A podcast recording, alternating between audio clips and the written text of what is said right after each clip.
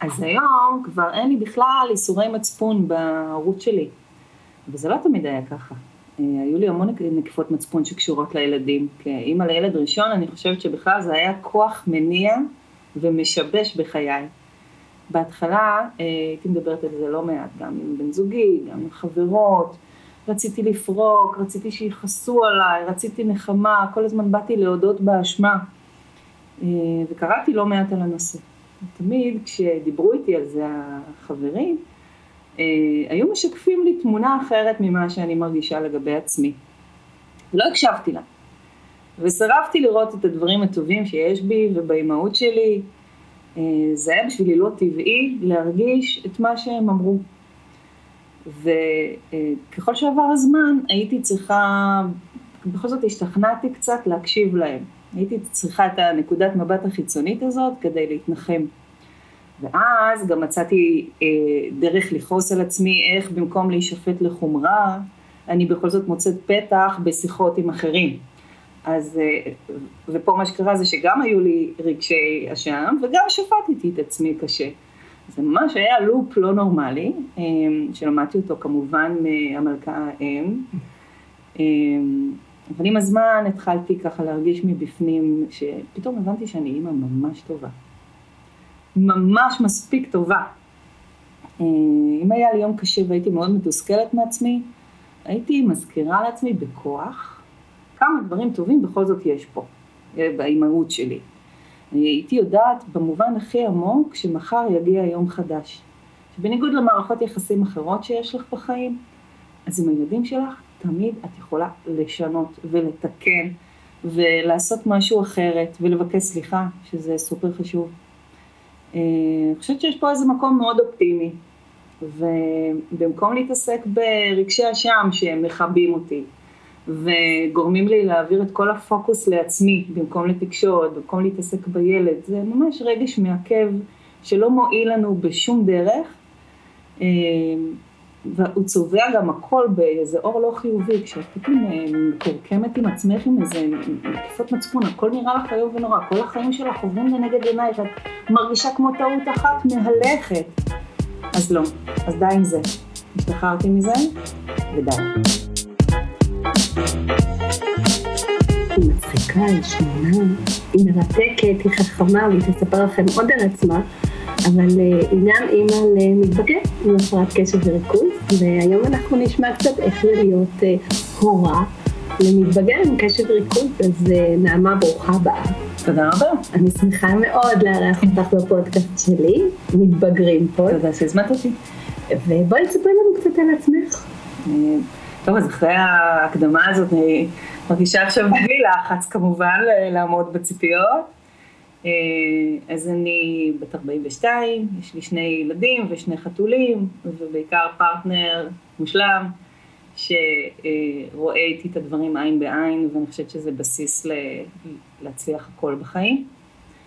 אה, אז עומר שלי הוא אה, עוד מעט בן 13, וכבר מגיל שנתיים וחצי אנחנו יודעים עליו, יודעים עליו שיש משהו, ואנחנו אנשים יחסית אה, מודעים, קוראים, מתעניינים, וגם במשפחות שלנו יש כמה מקרים של הפרעות קשב, אז, אז הדבר לא היה זר לנו מצד אחד, וגם לא מאוד איים עלינו. זה לא היה איזה מין אה, משהו מפחיד שצריך להסתיר אותו, אלא רגע, בואו נבדוק, בואו נבחן את זה, יכול להיות שזה הדבר. פעם ראשונה ששמעתי על זה, היה מהגננת של עומר, היא אמרה, תשמעו, אני חושבת שיש עניין. והחברות שלי בזמנו חשבו שזה ממש חוסר אחריות מצידה. איך היא מעיזה? הוא רק בן שנתיים וחצי, ומי שם אותה במקום של האבחון, ומה היא בכלל מדברת, ממילא אי אפשר לעשות שום דבר בגיל כל כך צעיר. אבל אני דווקא בירכתי על המשפט הזה של הגננת, אני מאמינה שהידע והמודעות לדברים מאוד חשובים, ובאמת שמנו ככה, פתחנו את האנטנות, והתחלנו לראות שיש דברים שהם קצת שונים, ומאוד מזכירים אה, התנהגות כזו או אחרת, ורצינו לתת לה שם, ובגילאים המוקדמים, המוקדמים הרגשנו שזה בעיקר בעיה של המערכת. אוקיי, אז בגן, אז קשה לגננת, בסדר, אז תענייני אותו. אז אם לא בקוביות, שיהיה בלגו, אם לא בלגו, אז שיצא החוצה לרוץ. זה לא הרגיש לנו כמו בעיה שלנו. למרות שידענו טוב מאוד עם מה אנחנו מתמודדים, לא רצינו לרוץ לאבחונים, לא רצינו לרוץ לטיפול תרופתי, וזה היה לנו כל הזמן בראש, בידיעה שיש משהו כזה שצריך יום אחד לטפל בו. אה, וכשעומר הגיע לכיתה א', אה, שבועיים לתוך אה, כיתה א', כן, התאפק הרבה, והוא ישב בבית ומירר בבכי בגלל שיעורי הבית. הוא אמר, אני גרוע בזה, אני בחיים לא אצליח, וזה נורא קשה לי. עכשיו, אני יודעת שהילד הוא קצת דרמטי, אני מכירה את הדיבה הקטנה שלי. אה, זה גם ילד שאם נופלת לו מגבת, אז הוא לא יגיד אוף נפלה לי מגבת, הוא מכריז, אני גרוע בתליית מגבות, אוקיי? זה הילד. אבל מצד שני הבנתי שיש פה אה, איזשהו כדור שלג שנוגע בדימוי העצמי שלו, שאני חייבת לעצור אותו עכשיו. אה, ואז התחלנו בעצם תהליך של אבחון, כדי להבין אה, האם זה באמת מה שקורה פה, במה, ומה אפשר לעשות. ולמעשה אומר מטופל תרופתית, יש לו גם, בנוסף על הפרעת החרדה, הקשב שלו יש לו גם הפרעת חרדה עם ה-OCD, אה, קושי בוויסות חושי, קיבלנו ככה חבילה מפנקת, הכל כלול, ואנחנו מטפלים בו תרופתית, זה מרתון אה, של התאמות לאורך שנים. ו... אה, בואי רגע נחכה עם התרופתי, כי אני okay. אוקיי. חושבת שמגיע לזה, מגיע לזה שיחה מעמיקה, איזשהו, אני רוצה פה לעצור אותך שנייה ולהגיד, כשהגננת פנתה אליכם, אני בטוחה שלא לא הופתעתם, זאת אומרת זה לא הפתיע אותך, את פתאום אמרת, אה, עוד מישהו רואה דברים שאני חושבת עליהם. נכון. אז בואי אני אקח אותך שניונת ללפני הגן, מה, מה, מה הדליק אצלך נורות אדומות כבר כאילו בדרך? אז הילד לא, לא הצליח לשבת בשקט ולהעמיק בשום פעילות, משום, משום סוג ואופן. לא, את יודעת מה? זה לא, זה לא מדויק. אה, רוב הפעילויות היו כאלה, ולעומתן היו פעול, אה, פעולות שהוא היה מרוכז בהן ברמה שלא הייתה ידועה קודם לאדם. זה בדיוק המקום הזה שאתה מרגיש איזה חוסר איזון ביכולת של הילד להיות אה, סביב משהו. ממש מוסך בשניות, אני רואה סביבי הורים שיושבים עם ילדים שמרכיבים משהו בנחת וההורים מדברים קיוויתי שזה יגיע מתישהו גם לי, אבל לא, אני מוצאת את עצמי רודפת אחרי הילד כל הזמן. נכון, זה מכתב, אבל די, התעייפתי. אז זה בעיקר היה סביב זה. אה,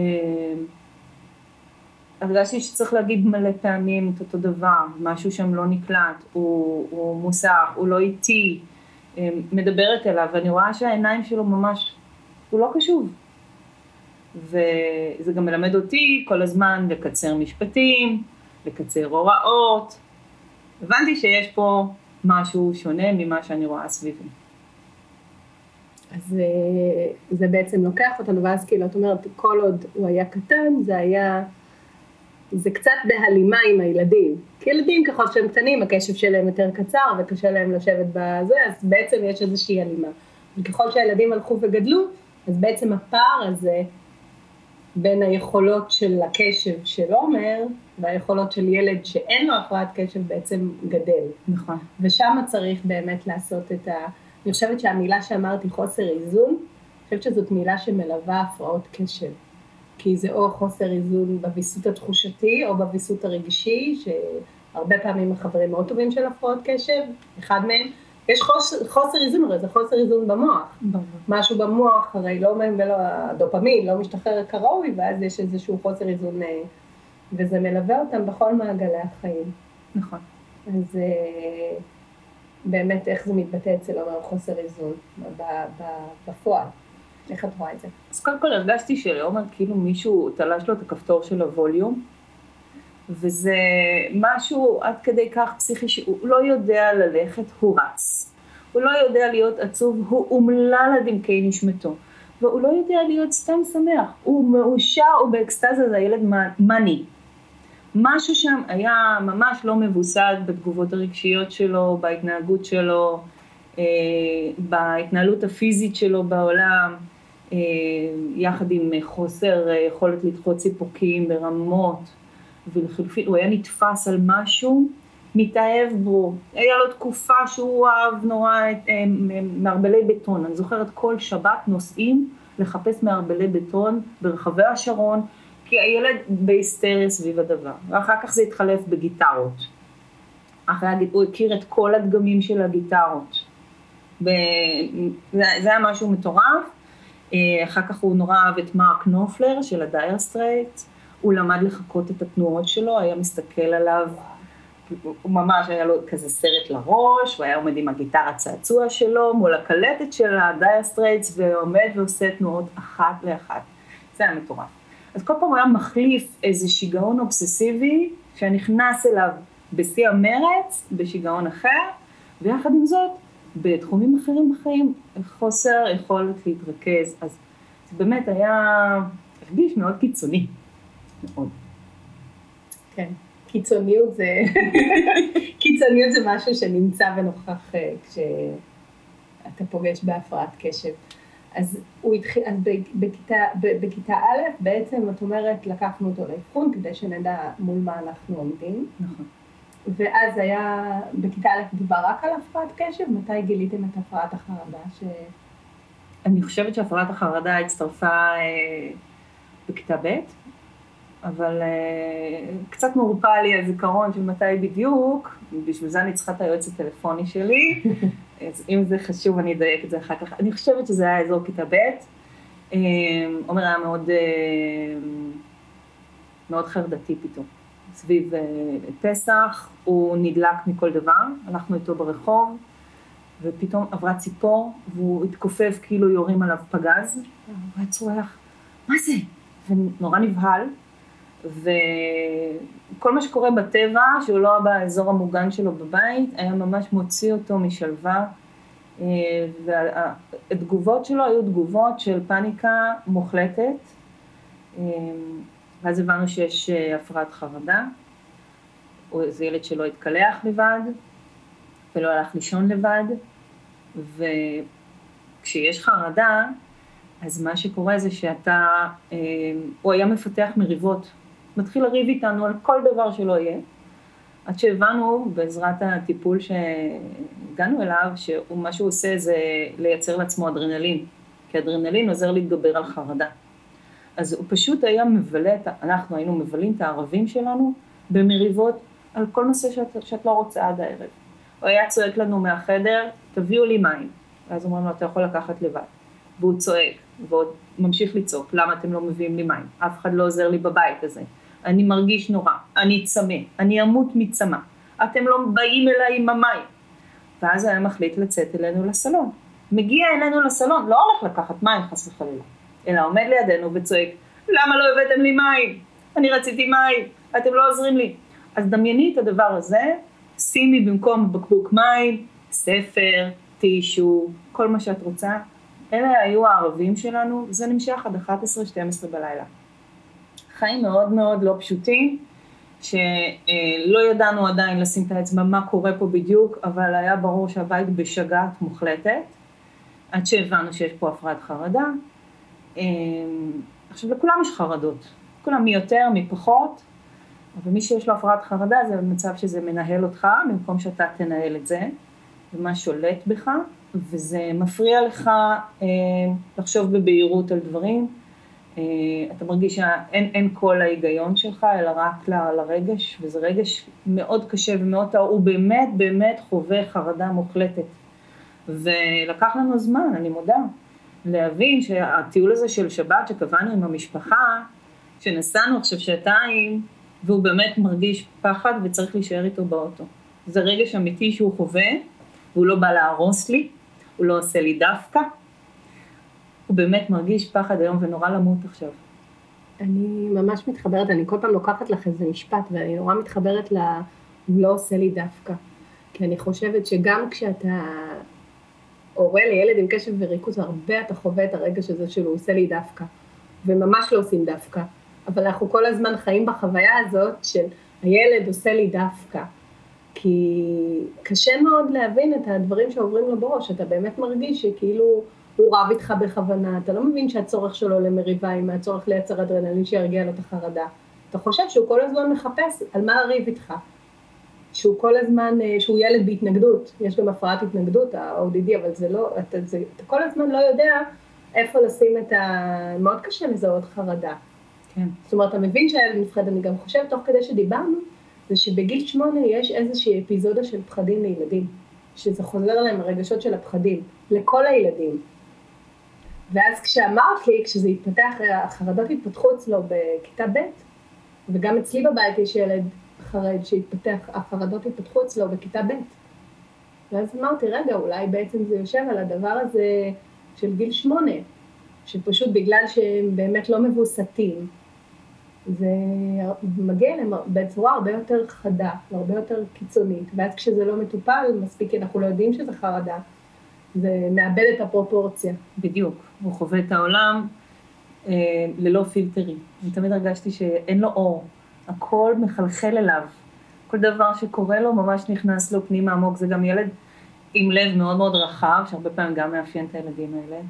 באמת עם טוב לב מוחץ, יוצא דופן כלפי בעלי חיים וכלפי בני אדם, ומרגישה שכל העולם נכנס פנימה בלי שהוא יכול, הכפתור ווליום הזה, הוא לא יודע להשאיר בחוץ, זה קושי של uh, הפרדה של עיקר וטפל, וזה קושי של הפרדה של דברים מהלב שלך שלא יפגעו לך בפנימיות, בנפש, ואני כאימא, פעמים במאבק עם הדבר הזה, כי מצד אחד זה הטבע שלו, הוא, הוא רץ לגעת באש. והוא חייב, הוא צריך להרגיש קביעה, כי זה המנגנון שלו. ואני כאימא לא רוצה שהוא יתקרב בכלל, אני רוצה להשאיר אותו שלושה וחצי צעדים רחוק מהמדורה. ותמיד יש פה את המשחק הזה בין ה... לתת לו להיכשל, לתת לו לחוות, לתת לו להתנסות עד הסוף כדי שיבין, גם כי זה הטבע שלו וגם כי ככה אני רוצה שהוא ילמד, ככה לומדים הכי טוב, ובין אה, למנוע ממנו את העולם. זה מאבק לא פשוט. אבל הזכרת קודם את הנושא של הילד עושה לי דווקא, אז אני חושבת שאני הרבה פעמים התביישתי בהתנהגות שלו בציבור, בעיקר במסעדות יושבים, ואת רואה כל מיני ילדים נורא מנומסים ועם מפית ואוכלים ככה עם סכין ומזלג, ושלי מלקלק את הצלחת כמו כלב, ומסתכל מי רואה אותי עכשיו, ושיט נפל לי ורק שלא יכעסו עליי, והכל נופל לו, והמים נשפכו. ובכלל הוא, הוא קם ורוצה ללכת עד לפני המנה הראשונה, ואני יושבת ותופסת את הראש, ואני נבוכה, ואני חושבת מי ראה אותנו, ואיזה בושות, ולקח לי גם מזה זמן, אני מודה שגם פה לא עד הסוף. עדיין יש דברים שמביכים אותי קצת, אבל אה, יותר ויותר יודעת להפריד את הדברים, ולהגיד, אוקיי, זה הילד, זה לא את, שיעשה מה שהוא רוצה. הוא כבר מספיק גדול גם בשביל לשאת בהשלכות, והוא מבין את המבטים של אנשים. ומי שיסתכל עליי ויחשוב שאני אימא לא מספיק טובה, וואלה, בסדר, לבריאות. נראה אותו, שיבוא, נעשה אימא מחליפה שבוע, נדבר. בכיף. לא, אבל זה גם גורם לי לחשוב, הדבר הזה של, אה, של בושה. אני חושבת שגם הילדים חווים בושה. וככל שהם גדלים, אנחנו מדברים פה על ילד שבעצם, אם הוא מאותגר עם הפרעת קשב, אז ככל שהוא גדל והוא מבין יותר, שהוא שונה מאחרים, שיש לו קשיים מסוימים. אני חושבת שיש גם עניין של בושה. גם הוא מגיע למקום של, הוא קצת מסתכל על עצמו דרך העיניים של הציבור. תמיד נופל לי איזה פדיחות, או עשיתי עכשיו פדיחות, יש איזשהו משהו מעכב, את מרגישה את זה? מאוד. אז קודם כל יש בו באמת גם חשיבות לטרמינולוגיה שמשתמשים בה. למה תמיד זה קורה לך, למה תמיד נופל לך, למה אתה תמיד מפיל. התמיד הזה הוא נורא מסוכן. צריך, אה, אני גם מתעצבנת, ואני לא יודעת למה, מה קרה? אז נשפך השוקו, מה קרה? אני בודקת את עצמי, מה כל כך הטריף אותי פה? זה סוג של שבירת הסדר העולמי, וזה שפתאום נפל השוקו, וכבר אמרת לו, נכון? את הרי אמרת, והוא אמרת לו להיזהר. והוא אומר, אבל זה לא בכוונה, מה אכפת לי בכוונה או לא, ואם היית עושה בכוונה זה יותר טוב, זה יותר גרוע. זה שאתה לא זהיר, זה מטריף אותי. ואת, ואת עכשיו אני מדברת, אני, אני מרגישה שזה עולה לי, עכשיו יש לי התניה, אני מודה, יש פה משהו שצריך לטפל בו. אבל המודעות הזאת לאיך אנחנו מדברים על זה, ומה אנחנו אומרים כשזה קורה? אני משתדלת להגיד לו, אוי נו, יאללה, לא נורא, תנקה. אוקיי? אז יצאת בסדר, יצאתי בסדר גם עם הילד וגם עם ארגון יוצאי פולניה, במקביל. כי הבהרתי שזה נורא, נכון? ושכחתי מה הייתה הנקודה השנייה. אנחנו דיברנו על הבושה שלו, איך הוא, איך הוא מרגיש בעולם. אז תראי איך לקחתי את זה יפה על עצמי, נכון? כן, אז אין ספק. לא, כי, זה, כי, כי אנחנו חוזרים, כי זה התחיל באמת מה, מהמבט שלנו, כן. שזה מבייש אותנו. כן. כי ילד הוא הרי כרטיס הביקור שלנו, אנחנו רוצים להתגאות, וזה לוקח אותי לשאלה הבאה, שאני אזכיר לך אותה אחר כך, אוקיי. שזה באמת הפער בין הילד שחשבנו שיהיה לנו, או. שזה בערך הנסיך וויליאם, והמציאות שמביאה לנו ילד שהוא... יהושע פרוע נגיד, כאילו, פחות או יותר. כן. אז הפער שם בדמיון. אבל בואי נדבר קודם באמת על המבט של הבושה שהוא לוקח על עצמו, איך הוא מרגיש, איך הוא מתבגר לתוך הדבר הזה. כן. אז אני חושבת שעומר מאוד מודע לדברים, עם כל העפיפוניאדה שהיא הילד, יש בו מודעות מאוד גבוהה לאיך הוא נתפס ואיך הוא נראה ואיזה מחיר הוא משלם. אמ, ו... אני חושבת שאנחנו לא הסתרנו מגיל מאוד צעיר את הדבר. אנחנו תקשרנו לו מה זה הפרעת קשב, מה בדיוק קורה במוח, במה זה שונה מילדים אחרים. אה, והוא אפילו בעצמו, ביוזמתו המוחלטת, אני גיליתי על זה בהפתעה רק בדיעבד, העביר הרצאה בכיתה וסיפר לילדים שיש לו הפרעת קשב, ומה זה אומר, וסיפר על דופמין, הוא היה ממש אה, בכיתה ב' או ג', אבל הוא דיבר על זה ב... מתוך ידיעה, כי זה לא משהו שאנחנו מסתירים, אז הוא לקח את, ה... את החולשה כביכול והפך אותה לכוח, כי כשיודעים עליך משהו, אז פתאום אי אפשר לפגוע בך על הדבר הזה. ומה שמדהים היה שבסוף ההרצאה היו כמה ילדים שאמרו שגם לי יש, אה, וואי, גם אני כזה, ובסופו של דבר הוא עשה סוג של אה, שירות למורה, לכיתה. ולילדים האלה, שהוא נתן להם אפשרות אה, לבטא את הדברים שהם מרגישים. בדיוק. ובעיקר כלפי עצמו. אבל רגע, לפני שאנחנו חוזרות אז לשאלה הנוספת ששאלתי אותך, אני עוד פעם גוזרת מפה את השאלה של אה, איפה את חושבת שהוא למד לקחת את החולשה שלו ולהפוך אותה לחוזקה? אני חושבת שהשיח שלנו בבית הוא שיח מאוד אה, אותנטי וישיר. אה, אנחנו מדברים את הדברים כהווייתם. אני מאוד לא אוהבת אה, עיקופים ועיקומים וטמינת ראש בחול. אה, אנחנו מדברים על הדברים, גם על החולשות שלי, זה משהו שמדובר בבית. אה, אני שמה את עצמי על שולחן הניתוחים ואומרת, חבר'ה, יש לי בעיה, אני צועקת יותר מדי. אה, בואו נדבר רגע איך אפשר אה, לעזור לי. אה, והילדים באים ונותנים לי עצות. ולא תמיד מצליחה ליישם, וזה בסדר, זה חלק מהעניין. ואני יודעת להתנצל גם, ואני מתנצלת נונסטופ. אבל uh, יש איזו פתיחות בבית לגבי הקשיים, ואנחנו יודעים לבחון אותם תחת זכוכית מגדלת ולעשות מהם uh, סוג של מינוף לטובתנו בסופו של דבר. אני חושבת שזה כלי שמאוד חשוב לתת לכל ילד שהופך למתבגר, על אחת כמה וכמה לילדים הפרעת קשב וריכוז שנתקל הרבה פעמים בקשיים בחיים. אומרת, לעזור לו לדעת למנף את, ה, את החולשות שלו, את הרגעים הקשים באמת, ואני חושבת שזה מאוד טוב שסיפרת לנו, כי זה כלי ששווה לאמץ ולחשוב איך אה, מכניסים אותו לבתים שלנו. עכשיו, אצלי מרגישה שיש איזה קושי אקסטרה, כי בזכות עומר, אני אובחנתי גם כבעלת הפרעת קשב. אז מה שקורה עם הילד זה שהוא פשוט מציב לך, אימהות גם ככה, זה הצבה של מראה מול הפנים שהיא לא תמיד מחמיאה, כל מה שאת עושה חוזר אלייך כבומרנג. אה, מי שיש לו טיפ-טיפה את היכולת לעצור ולהסתכל רגע על הדברים, פשוט מבין איך הדברים שהוא הביא לשולחן הזה חזרו אליו בתור הארוחה. אז זה קורה המון, וכשהפרעת קשב פוגשת הפרעת קשב, אה, פתאום יש אה, סוג של התנגשות בין מצוקות. למשל, אני מאוד קשה לי עם רעש, אני מרגישה שזה טריגר שמפעיל אותי. ועומר אה, יודע לעלות לווליומים שיהיה בריא באמת בכיף. ואנחנו מתנגשים על המקום הזה, או דוגמה אחרת, שמאוד קשה לנו להתאפק כשיש לנו משהו להגיד. כחלק מהמאפיינים של הפרעת קשב זה אימפולסיביות. אז הוא נורא חושש שהוא ישכח להגיד משהו, הוא נורא רוצה להוציא את זה כבר, להקיא את זה, שזה לא יישב לו בראש, זה מעיק עליו לחשוב שהוא צריך לזכור משהו. אז הוא רוצה להגיד את זה עכשיו, ועכשיו זה לא מתאים כי אני רוצה להגיד. אז אנחנו מגיעים כל פעם לאיזה קליימקס, אני אגיד, לא, אני אגיד. אז אני אומרת לו, אז תרשום. אז הוא אומר לי, תרשמי את. ואנחנו מגיעים לפעמים פשוט לדיונים כאלה, כמובן שאני מנצחת, אני האימא. רגע, אבל אז אתם שוכחים מה רציתם להגיד מלכתחילה, לא? כי הרי כל העניין היה לשכוח מה אתם רוצים להגיד. ואז מצוקה שנמשכת בדיוק שלוש דקות, סביב שכחנו להם מה רצינו להגיד, ועוברים הלאה.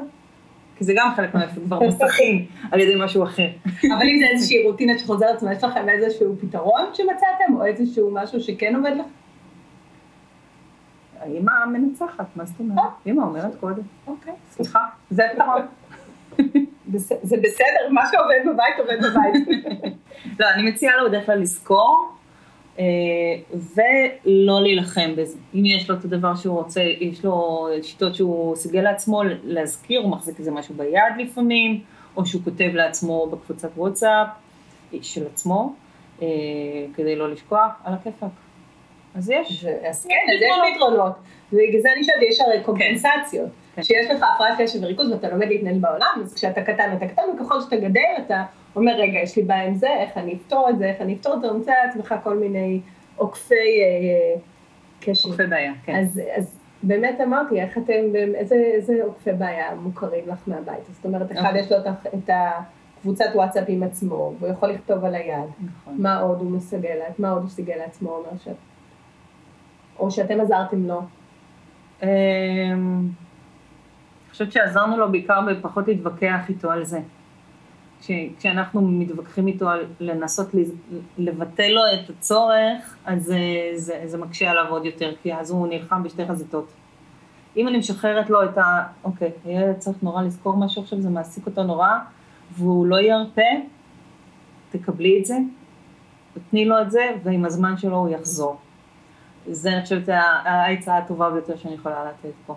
אני מסכימה איתך, זה הלגיטימציה להיות מי שאתה. כן. אני מקבלת אותך, נותנת לך לגיטימציה להיות מי שאתה, ועובדת עם מה שיש, ולא עם מה שאין. משתדלים.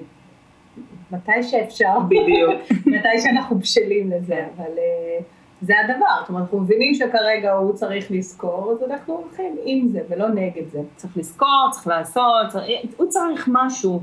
והצורך שלו תמיד מאפיל על כל דבר אחר שקורה בבית. ולפעמים אין ברירה אלא לשחרר לו את זה. יופי, זה לא אין ברירה, לפעמים אני רוצה לשחרר לו את זה, אני פשוט חייבת לשנות את הסמנטיקה, כי ברירה תמיד יש לך, כן. את בוחרת במודע לשחרר לו את זה כדי שיהיה לו יותר טוב וכדי שיהיה לכם יותר טוב. אני אומרת אין ברירה כי, כי זה לא מרגיש לי טבעי כמו ש... יש לי עוד דרגות רוחניות להתפתח אליהן כמובן, אבל אה, אני עוד לא שם במובן השלם הזה שאת מתארת, ולכן זה בשבילי, זה אין ברירה. כי גם לי קשה עם המאבק הזה, אני גם, אה, לזכור את זה, לשחרר את זה, גם, גם לי זה גוזל אנרגיה.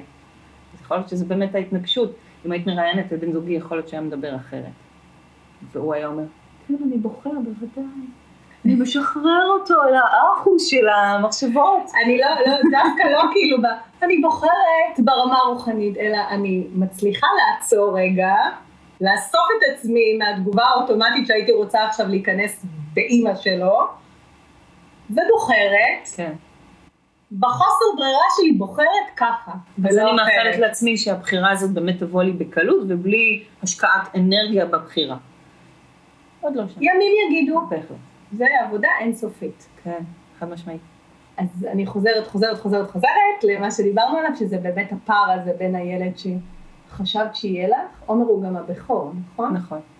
זה הילד שלמדת להיות אימא איתו, לבין מה שבפועל. מה חשבת שיהיה? מה קיווית אולי? חשבתי שכל מה שילד צריך זה חום ואהבה, וכמה פשוט.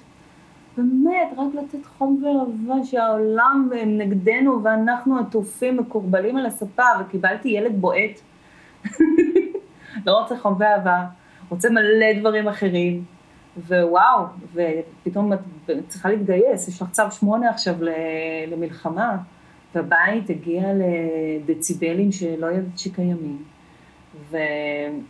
ומלחמות אינסופיות, לפעמים על אותם דברים בלופים, ואת... אה, משולב פה גם סוג של בושה, מה קיבלתי, מה זה הדגם הזה, איפה מחזירים, רציתי אחרת, וגם אה, מצוקה שאת לא באמת יודעת לעזור לו, ויחד עם הסוג של הבחנה שגם את כזאת, ואת אומרת, אוף, איזו התנגשות טיטנים יש פה, מכל הכיוונים זה סוגר עלייך. ואז מגיעים למצב שאומרים, אוקיי, לבד אנחנו עושים מה שאנחנו יכולים, וזה לא מספיק, צריך לקבל עזרה. והעזרה הזאת אצלנו הייתה כמובן אה, תרופות וייעוץ של פסיכולוגית. הצילה את חיינו חד משמעית. אני, אני אומרת שאם לא היינו מגיעים לטיפול הזה, זה, זה יכול היה לפרק את המשפחה, כי ילד כמו עומר, אה, בעצם כל הפוקוס עליו, וכל האנרגיות של הבית מושקעות בו, ולפעמים הרגשתי שאין לי אוויר יותר.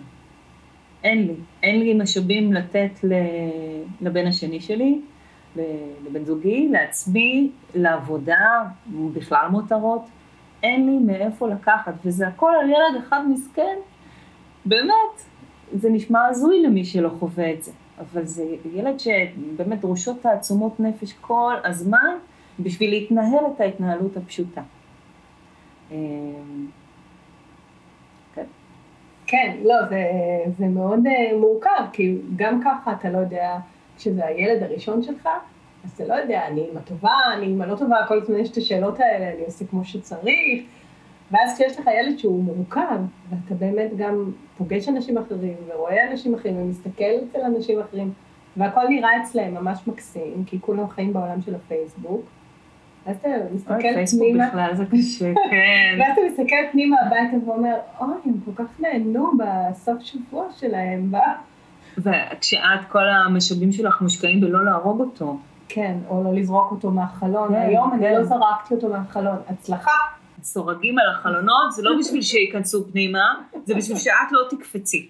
כן. זה חד משמעית, אה, מגיעים למצבים כאלה, זה לא פוטוגני, זה לא נעים. מביך להודות לפעמים אה, בינך לבין עצמך, אבל אה, זה מסוג הדברים שטוב שמדברים עליהם היום. אה, אז כן, יש פער בין החלום ובין שברו ובין המציאות, אבל הילד שלי מדהים. ואני יודעת יותר ויותר לראות את זה, וגם להזכיר לעצמי ברגע, ברגעים הקשים. קורה לי היום יותר ויותר שגם במהלך מריבה איתו, מריבה עיקשת, שאני כבר מותשת, מזיעה בפינה, כבר כולי חנוכה, ואז הוא אומר משהו, הוא אומר משהו כמו, אמא, אני צריך שתקשיבי לי רגע.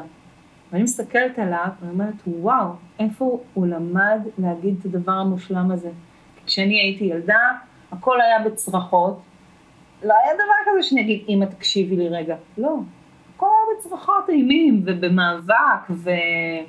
ופתאום הילד הזה אומר משהו שמדהים אותי, אפילו שאני בתוך המריבה, אני רואה את, את היופי. ואני יודעת, אני יודעת היום, אוקיי? אחרי תהליך מאוד ארוך של טיפול, ממקום מאוד מאוד עמוק מבפנים, אני יודעת שיהיה בסדר.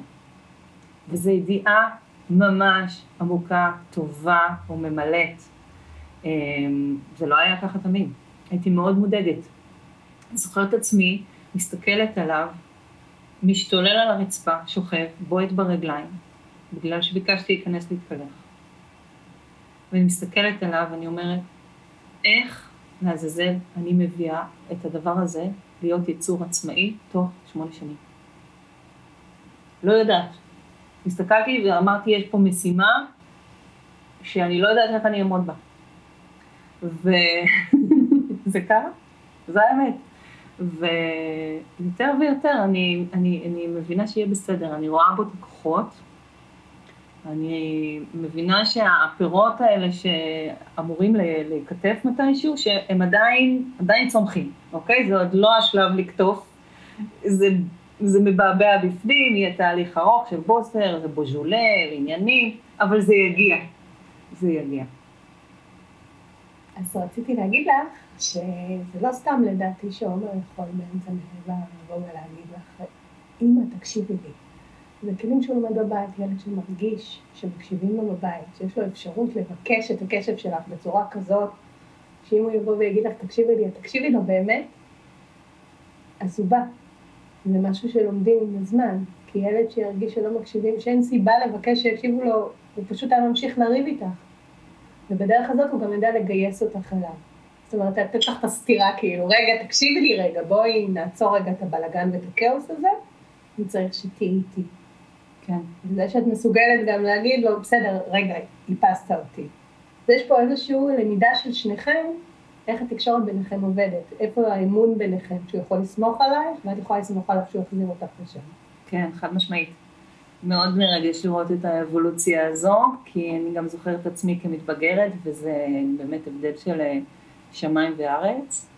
אה, ואני מאוד מרגישה לא אומר שהוא מטופל. אני יכולה לתת לך עוד דוגמה שלא מזמן אה, ראיתי שהוא כותב לעצמו איזה פתק ויוצא החוצה לשחק עם חברים, וכשהוא חזר שאלתי אותו מה, מה זה הפתק, אז הוא אומר, אני כתבתי לעצמי עצות אה, איך להתנהל עם חברים, מדברים שאני חושב שיעזרו לי בזמן אמת. אני שמתי לעצמי את הפתק הזה בכיס ויצאתי החוצה. והיו שם דברים כמו, אל תתעצבן אם איקס אומר לך כך וכך, תהיה חזק, תנסה להתעלם, כל הדברים שאנחנו מדברים עליהם בבית, ולפעמים את מרגישה שבאמת הילד לא קשוב, לא מבין, צריכה לחזור עליהם אלפי פעמים, אבל הנה, לא רק הם הוטמעו, הם הפכו גם להיות הארגז כלים שלו, וזה מאוד מספק. אני חושבת שבאופן כללי אה, לייצר ארגז כלים לילד, בטח עם הפרעת קשב וריכוז, זה נותן לו איזושהי ודאות בעולם. כי אנחנו מדברים פה על ילדים שבחלקם, עוד פעם, כל ילד עם הפרעת קשב הוא עולם ומלואו וכל אחד הוא אחר, אבל אה, בטח ילד שיש לו הפרעות חרדה, אה, צריך שהעולם יהיה מאוד ודאי, הוא צריך לדעת מה הולך לקרות כל רגע נתון, הוא צריך לדעת שהעולם הוא מקום בטוח. נכון. וארגז הכלים הזה והאפשרות שקודם כל אתם מקבלים אותו כמו שהוא, נותנים לו להיות מי שהוא, מאפשרים לו בעצם את הוודאות הזאת, ונותנים לו את הכלים בעצם לייצר לעצמו ודאות, מה הוא צריך כדי ש... כן, חוסר ודאות זה משהו שמאוד קשה לעומר להתנהל בתוכו. אחד הדברים שאנחנו תמיד אה, אומרים לצוות המורות, לצוות החינוכי שמלווה אותנו, זה להשתדל להיות כמה שיותר ברורים עם עומר. אה, כי מורים לפעמים אומרים, טוב, אולי בשיעור השלישי אנחנו נעשה איזושהי פעילות מיוחדת. או היום יש לנו הפתעה בשבילכם. או אמ, לא בטוח שביום שישי יתקיים כך וכך. הדברים האלה מוציאים את הילד שלי מדעתו, מוציאים אותו מדעתו. אמ, כולנו צריכים ודאות באיזשהו מקום, וכשאין לנו את הוודאות הזאת, אז אנחנו משלמים איזשהו מחיר נפשי, ואנחנו יודעים, אוקיי, נשים אחד בצד, ונדע שאין לנו, ואת זה צריך לבדוק. אבל אצל עומר כל תשומת הלב מופנית לאחד הזה שצריך לבדוק, ולא נותנת לו להתרכז בעיקר. אז אה, כן, מאוד מתחברת למה שאמרת לגבי הוודאות. זהו, זה חשוב, ואני חושבת שזה צריך גם אה, הרבה פעמים לדבר לצוות ה... במערכת, צריך לעבוד עם המערכת. את מכינה את המערכת כל שנה, אם נגיד מורה חדשה, את פוגשת אותה, איך את אה, מתקשרת עם המערכת? אז בטח, קודם כל. בעיניי שיתוף פעולה עם הצוות הוא קריטי. לא רק להכיר אותם ולהגיד שלום וזה עומר והנה השק שלנו, אלא אה, לעבוד בשיתוף פעולה. זה התחיל כבר מהגן. זה התחיל מזה שהבאנו את הפסיכולוגית על חשבוננו, שתייעץ לגננת ותיתן לה את הטיפים איך להתנהל עם הקבוצת ילדים, עם הפרעת הקשב. הפסיכולוגית תצפתה לילד בקבוצת השווים שלו וארגנה אחר כך אה, סל של הצעות שיפור ואלה דברים שהיו בסופו של דבר רווח נקי לא רק לעומר אלא לכל הילדים.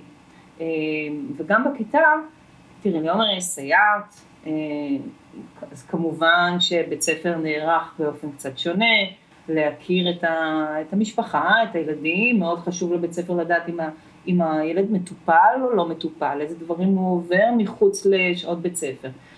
באותו אופן גם לנו חשוב להבין בדיוק מה הוא עובר בבית ספר, אנחנו לא שמים את כל יהבנו על זה ששם כבר יטפלו בו, אלא אנחנו, מאוד חשוב לנו שיראו עין בעין, מאוד חשוב לנו לעזור להם לעזור לו, אה, ויותר מזה, אם היו בעיות של התנהגות, וזה קרה בעיקר בגילאים המוקדמים, היום כבר אין שום דבר כזה, אבל אם היו בעיות התנהגות, אז אנחנו אה, היינו ממש במסר אחיד, באים לקחת אותך עכשיו מהגן ההורים שלך הביתה, כי אתה התנהגת לא בסדר בגן, ואתה לא מקבל פה פרס של תשומת לב ופינוק מול הטלוויזיה.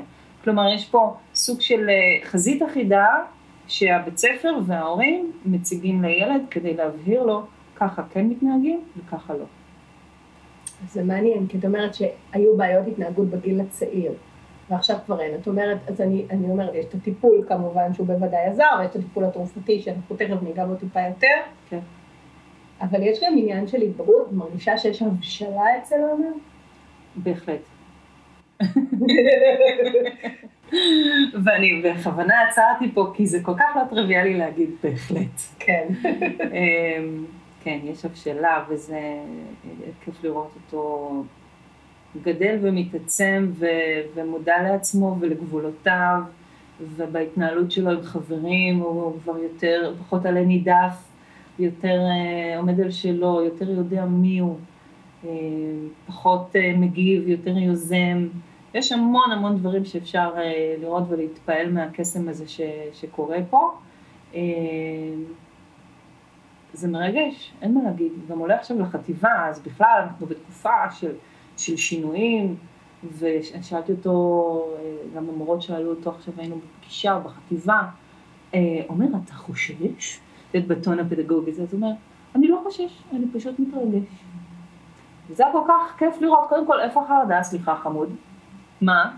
כן, תביא, תביא אותה. וזה שהוא ידע גם לאבחן את הרגש המדויק הזה, ולהגיד אותו, לא, אני לא חושש, אני מתרגש, ואיזה, זה היה, עפתי עליו. זה נשמע קטן. זה, זה ענק. זה ענק. זה ענק, כי קודם כל באמת אני, חוש... אני לא חושש שאני מתרגש, זה באמת איפה הילד הזה, העלה נידף, חושש שכל דבר, כל שינוי ואי ודאות. אין יותר אי ודאות מחטיבה בעיניי. כן. כאילו, אתה עוזב את המוגנות של בית ספר יסודי ואתה עולה למקום שהוא יותר גדול, עם ילדים, כיתה חדשה, מורה נכון. חדשה, הרפתקאות חדשות. זה האי ודאות בהתגלמותה. כן. בעצם זה שהוא יכול להסתכל על זה בעיניים של אה, התרגשות, כן. זה, זה הצלחה בעיניי אה, מטורפת, זאת אומרת, זה, וזה לוקח אותי לשאלה של להגיד, יש איזה שהן מדרגות שעברתם איתו, מהגיל הצעיר עד בעצם, עכשיו הוא בגיל ההתבגרות. את מרגישה שהוא כבר בגיל ההתבגרות? מאוד. באיזה מובנים? תראי, זה, זה מאוד מתעתע, כי ילד עם הפרעת קשב, הווכחנות שלו היא, היא תמיד בשיאה. בוא נגיד זה ככה. הוא מתמקצע בתחום, והוא אה, באמת יכול לפתוח עוסק פטור רק על הדבר הזה. אה, אז זה מאוד מתעתע, אתה מתווכח איתי עכשיו בגלל ההפרעת קשב, או שאתה מתווכח איתי עכשיו כי אתה בגיל ההתבגרות. אבל בסופו של דבר התוצאה לא משנה את זה שהילד אותו ילד, והבית אותו בית, והדברים צריכים איכשהו לזרום. אז כן, אני מבינה שהדרמה הזאת, התחושה ש... שנגרם לו עוול, ושדברים הם לא פיירים, הוא כל הזמן מחפש איזה משהו, איפה הצדק, וזה לא בסדר מול אחיו, וזה לא בסדר מול מה שהוא קיבל, ואיזה, ומול החברים, כל הזמן עסוק בהשוואה, ו... והראייה הזאת היא הדטרמיניסטית של העולם, שאין באמת אה, גוונים, הכל מאוד אה, שחור לבן, אז אני מאוד רואה את זה קורה. אני חושבת שבזכות הפרעת הקשב הייתי מוכנה לגיל ההתבגרות יותר מהורים אחרים.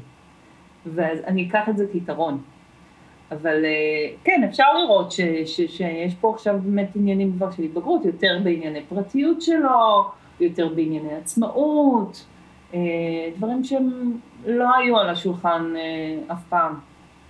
יש באמת, את רואה מעבר שלו לקבוצת השווים, יותר יוצא מהבית, יותר החברים הפכו להיות יותר משמעותיים. תראה, התקופה של הקורונה, אני חושבת שהיא לא אינדיקציה כל כך מה שקורה, הוציאה את כולנו, הכניסה אותנו לסוגריים מהעולם. אבל, אבל כן, חד משמעית, הקבוצת חברים שלו עכשיו מעסיקה אותו הרבה יותר מכל דבר אחר, וזה טבעי, וזה בסדר, מתקבל באהבה. זה גם לא טריוויאלי, כי גם במישור הזה עברנו אה, תהפוכות, אז, אה, אז כיף לראות גם את זה. זה באמת לא טריוויאלי, כי הרבה פעמים באמת ילדים עם הפרעת קשב, יש להם אה, עניינים חברתיים. הם פחות מובנים אולי, התגובות שלהם אה, לא פשוטות תמיד לילדים, שקשה להם להבין את כל ההיפראקטיביות הזאת, או האימפולסיביות הזאת, או נכון. התגובתיות הזאת. אז זה באמת לא טריוויאלי לילד להגיע, כי בגיל ההתבגרות, אני חושבת ששוב, מה, אני, מה שאני שומעת תוך כדי השיחה שלנו זה המדרגות האלה. אני לקחתי על עצמי, כאילו אם אני, עליי, אני אומרת, את נעמה לקחת על עצמך, להביא את הילד, אני חושבת פשוט על הדימוי שאמרת שראית אותו, ילד אה, פישר בן אה, שלוש שוכב על הרצפה עם הרגליים. בן עשר. לא, לפני, לא להיכנס, אה, את מדברת על זה. זה היה בגיל עשר, בגיל עשר. אבל אני אומרת, התמה שלך הייתה להביא אותו לעצמאות, למסוגלות. זאת אומרת, כן. ברגע שזאת המטרה שלך, המטרה ההורית שלך הייתה, אני רוצה שיהיה לי ילד עצמאי ומסוגל. נכון. אז כל הצעדים שעשית, אז את. רואה שהתכנסו לדבר הזה שהוא ילד עצמאי ומסוגל, שהוא מגיע לחטיבה והוא מתרגש, כמו כל ילד רגיל, נכון. אפילו שיש לו הפרעת חרדה ברקע, ויש לו חברים, יש לו מסוגלות אישית מאוד גבוהה. כן. ואני חושבת שזה מאוד חשוב לשים, לתת על זה את הדעת שכשיש לך מטרה, ואז אתה הולך איתה לאורך הדרך כהורה, יש לך בעצם, זה כמו מגדלור. מגדלור שלך היה עצמאות ומסוגלות ודימוי אישי. ואז כאילו פעלת כל הצעדים, אם זה הטיפול הפסיכולוגי, אם זה מערכת יחסים בבית כיחסים. כל מה שעשית בעצם הוביל אותו לנקודה הזאת. נכון.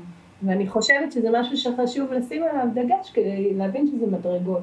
כמו שאמרת, גם עם הכדורגל, זה מרתון, זה לא ספרינטים. אנחנו נותנים פה עבודה לאורך זמן. כן. אז בואי נדבר רגע על כדורים באמת. אוקיי, רק רציתי להגיד לגבי חברים, שאני יודעת שעומר שילם מחירים מאוד מאוד גבוהים ביודעין, בשביל להישאר במעגל חברתי. הרבה פעמים הוא הרשה לעצמו להיות בסיטואציות שבהן הוא מושפל, או מובך, או נחות חד משמעית בשרשרת המזון הזו, והוא עשה את הבחירה הזאת אה, ביודעין בשביל להישאר בסדר ולשמור על מעגל חברתי, ואלה בחירות שהן לא תמיד קלות לעיכול. ואני מסתכלת על זה ובא לך אה, לנער אותו, מה אתה מרשה להתנהג אליך ככה, ובא לך לכעוס, ובא לך לעשות בשבילו, ולהפעיל את התפרים של האימא לביאה וללכת להילחם.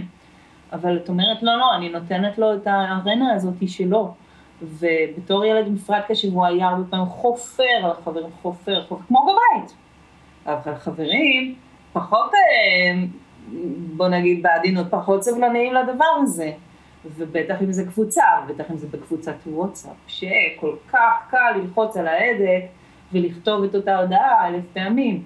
והוא התמודד גם עם חרם וגם עם אה, הוקעות מכל מיני סוגים, והוא שילם מחיר שהוא שילם אותו ביודעין ובעיניים פקוחות, והוא ידע טוב מאוד שהמקום שקשה לו להתאפק בו, משפיע על היחסים החברתיים שלו. אבל הוא עשה את זה, אה, ואני כבר היום רואה את השינוי, הוא כבר לא כל הזמן צריך את האישור, אתה חבר שלי, אתה לא חבר שלי. אפילו מתחיל להיות באיזה מקום שהוא יודע גם להגיד לחברים, לשים ברקסים על התנהגות לא מקובלת, על אה, התנהגות לא יפה לחלשים אחרים, כן, הוא לא החלש היחיד, אז יש פה פתאום מקום להשוואה, והוא רואה איפה הוא נמצא על השרשרת הזו, ויכול לשים את ה... את כל הערכים ש, שבעצם הוא קיבל בלי שידענו שהוא מקבל אותם, כי לא ידענו אם זה נקלט, אז עכשיו זה יוצא. וזה זהו, זה היה לגבי החברים. אז רגע, אני כן רוצה להגיד פה, כי זה חשוב, כי אני פשוט אוספת את הדברים האלה ככה קצת מפרספקטיבה מקצועית, כי מה שאת אומרת פה זה משהו מאוד חשוב, זה לסמוך על הילד. אנחנו, ולסמוך על הילד זה דבר מאוד קשה באופן טבעי להורה, נכון. בטח כשמדובר על ילד עם הפרעת קשב, שאתה מגדיר אותו קצת חלש, קצת פחות זה, יותר קשה לו חברתית, אתה מאוד מאוד רוצה לגונן עליו. נכון. ולסמוך על הילד, זה בדיוק, ה- ואני מחברת את זה למטרה שלכם, כשאתה סומך על ילד שהוא ידע להתמודד ולשלם את המחירים הלא פשוטים האלה, אתה מתחבר למטרה של להעלות לו את הדימוי העצמי ולעצמאות. אני יכולה להגיד שלא באמת הרגשתי שאני סומכת, אבל זה היה המלחמה שלי עם עצמי. המנטרה שלי אה, איתו כלפי חוץ הייתה, אני סומכת עליך, אתה יודע הכי טוב מה, איך נכון לך להתנהל. ולא באמת הרגשתי שאני מאמינה בזה מבפנים, אבל אמרתי את זה כי ידעתי שזה נכון לו, שזה מה שהוא צריך לשמוע ממני. אולי הוא שמע קצת את הרעד בקול, אז הוא לא קנה את השטיק, אבל אה, לפחות כלפי חוץ זה מה שניסיתי לשדר לו, שאני סומכת. מבחינתי הוא קנה את השטיק. כי עוד פעם, יש מבחן איזה, התוצאה. מבחן התוצאה הוא כן. שגם אם הוא בתוכו ידע שאת אה, דואגת וכולי, הוא כן אמר, טוב, אני אתעלם מזה, אני אקח את מה שהיא אומרת שהיא סומכת עליי, כן. אני אעשה את מה שאני רוצה, כי הייתי עושה את זה גם אם הייתי סומכת, גם אם היא סומכת עליי וגם אם לא. כן. אבל זה יותר נעים כשמישהו סומך עליך, נכון. אז עדיף להאמין בזה. ובמבחן התוצאה, את רואה את התוצאה? ובמבחן ההורה, אז לא חייבים להאמין בשביל להגיד. נכון. וזה גם זווית, אה, נכון. חשוב נכון. להציג אותה. כן. בסוף אולי מאמינים אחרי שעושים את זה 5,000 פעם, נכון. אבל זה דרך. חד משמעית. ילדים האלה זה חתיכת דרך, אה? ילדים האלה, זה חתיכת תיק. כפיות טובה. אוף. אה, אז בואי נחזור לכדור. כי אנחנו לקראת סיום. כן. אז אה, וכדורים זה חשוב. בהחלט. אז אה, התחלנו בכיתה א', ומאז אנחנו במרתון אה, בלתי פוסק של אה, התאמת הכדור הנכון, במינון הנכון. אה, צריך הרבה אורך רוח כשנכנסים לזה. אני מאוד בעד כדורים, אפילו שיש להם מחיר, אפילו שיש להם תופעות לוואי. אני חושבת שתומר זה הציל. אם לא היה כדור, לא היה... לא הדימוי העצמי ולא התחושת מסוגלות ולא היכולת להתנהל בבית ספר, ואפס ריכוז ואפס יכולת התארגנות ואפס דחיית סיפוקים. הכדור מאוד עוזר לו. אמ, אני יודעת שאנחנו אמ, משלמים פה איזה מחיר, הוא אומר את זה בעצמו, אני מרגיש פחות שמח ואני פחות רעב. ב- בסופו של דבר זה איפה שאתה מושך את השמיכה, משהו יצוץ, הרגליים או הראש, אין מה לעשות. אבל מה שחשוב בעיניי זה שהרבה הורים חושבים שהם ייתנו כדור ופה נגמרה העבודה שלהם. ובתפיסה שלי זה, זה רק חלק מהעניין, צריך אה, תמיד לטפל גם טיפול רגשי, ו... או, או אסטרטגיות למידה, או אה, טיפול להורים, או ענייני התנהגות, לא משנה מה. הכדור הוא לא פתרון קסם לכל הבעיות של הבית בעקבות ההפרעת קשב. אני גם חושבת, זה גם וגם וגם וגם. אה, בכל הפרספקטיבה, כאילו ממש הוליזם. כן. גם הילד צריך, אם צריך העצמה, אם צריך לטפל בוויסות, אם צריך לטפל, ההורים צריכים לקבל הדרכה אותי. זאת אומרת, זה חייב להיות איזשהו ליווי אה, יותר מעמיק עם הכדורים. אבל זה מאוד פשוט. אני לא חושבת שעומר יכול היה להיות פנוי בכלל ללימודים. נכון. בוא ניקח את החרדה.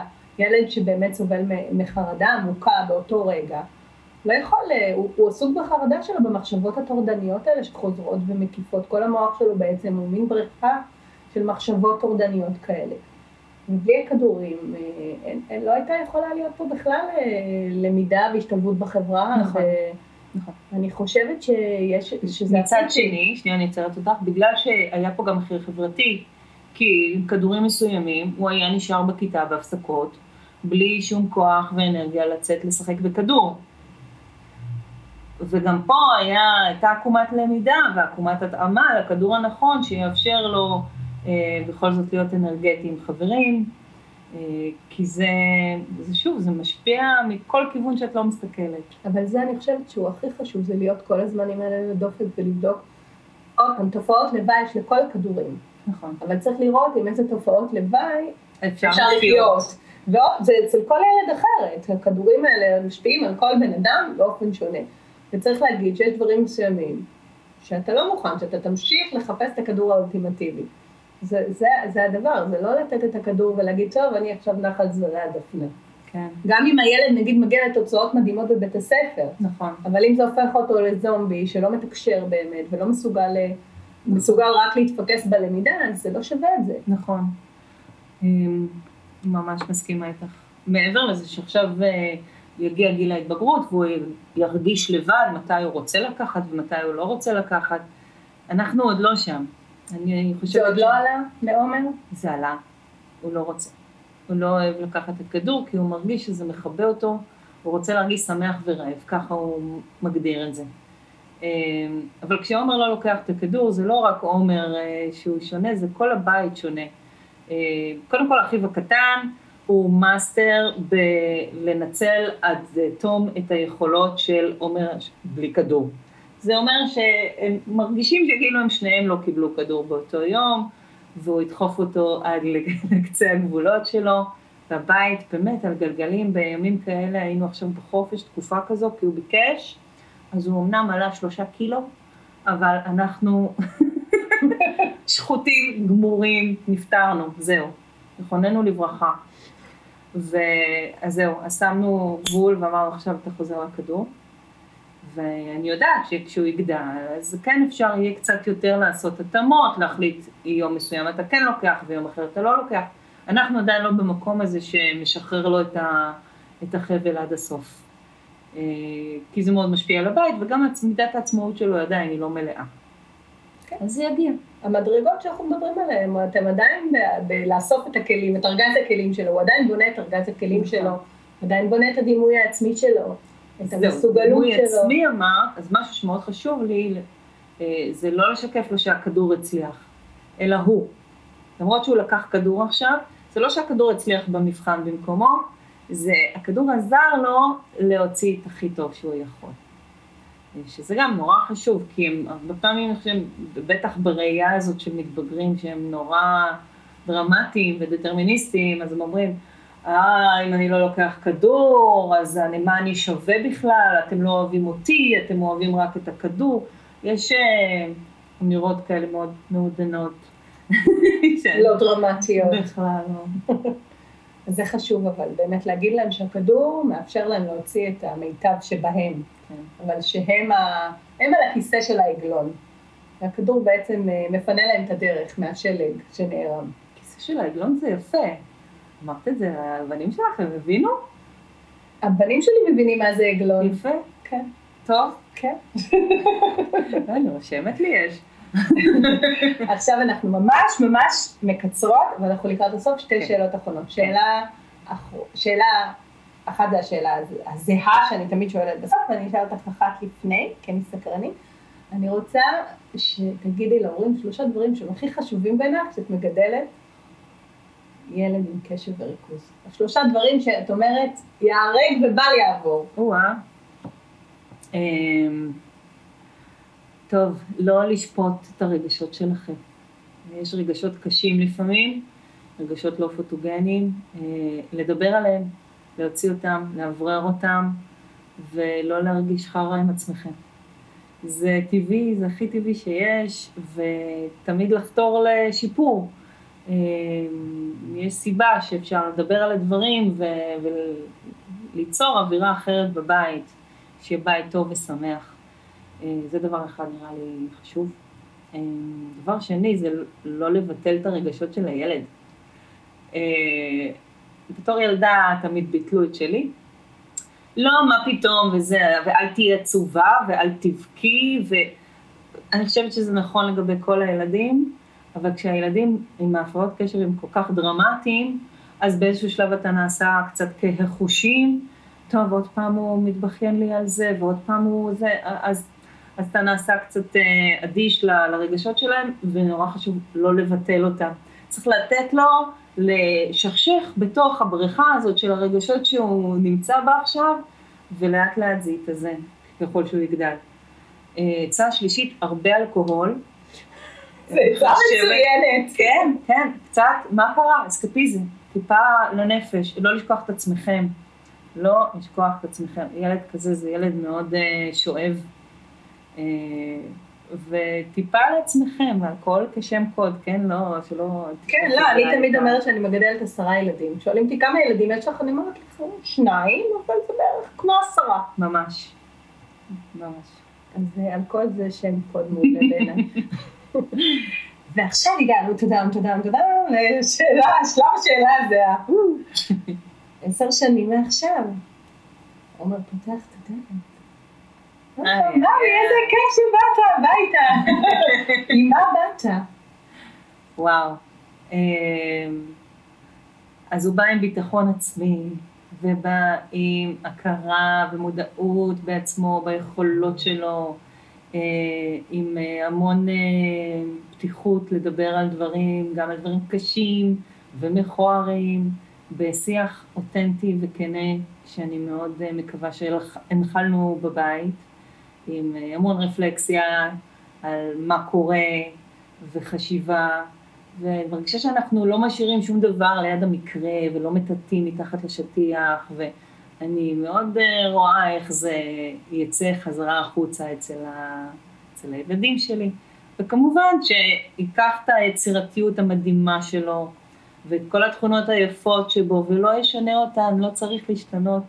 אפילו עם, עם האימפולסיביות הזו והדינמיות הגבוהה שהוא חי בה וידע למנף את זה למקום שעושה לו טוב. אמן. אמן. נשמע מושלם. אז תודה רבה נעמה שבאת, ופתחת את הלב, והיה מאוד מאוד מאוד מעניין וכיף לספרה. גם לי, תודה. תודה, ולהתראות לכם, ונשתמע בפעם הבאה.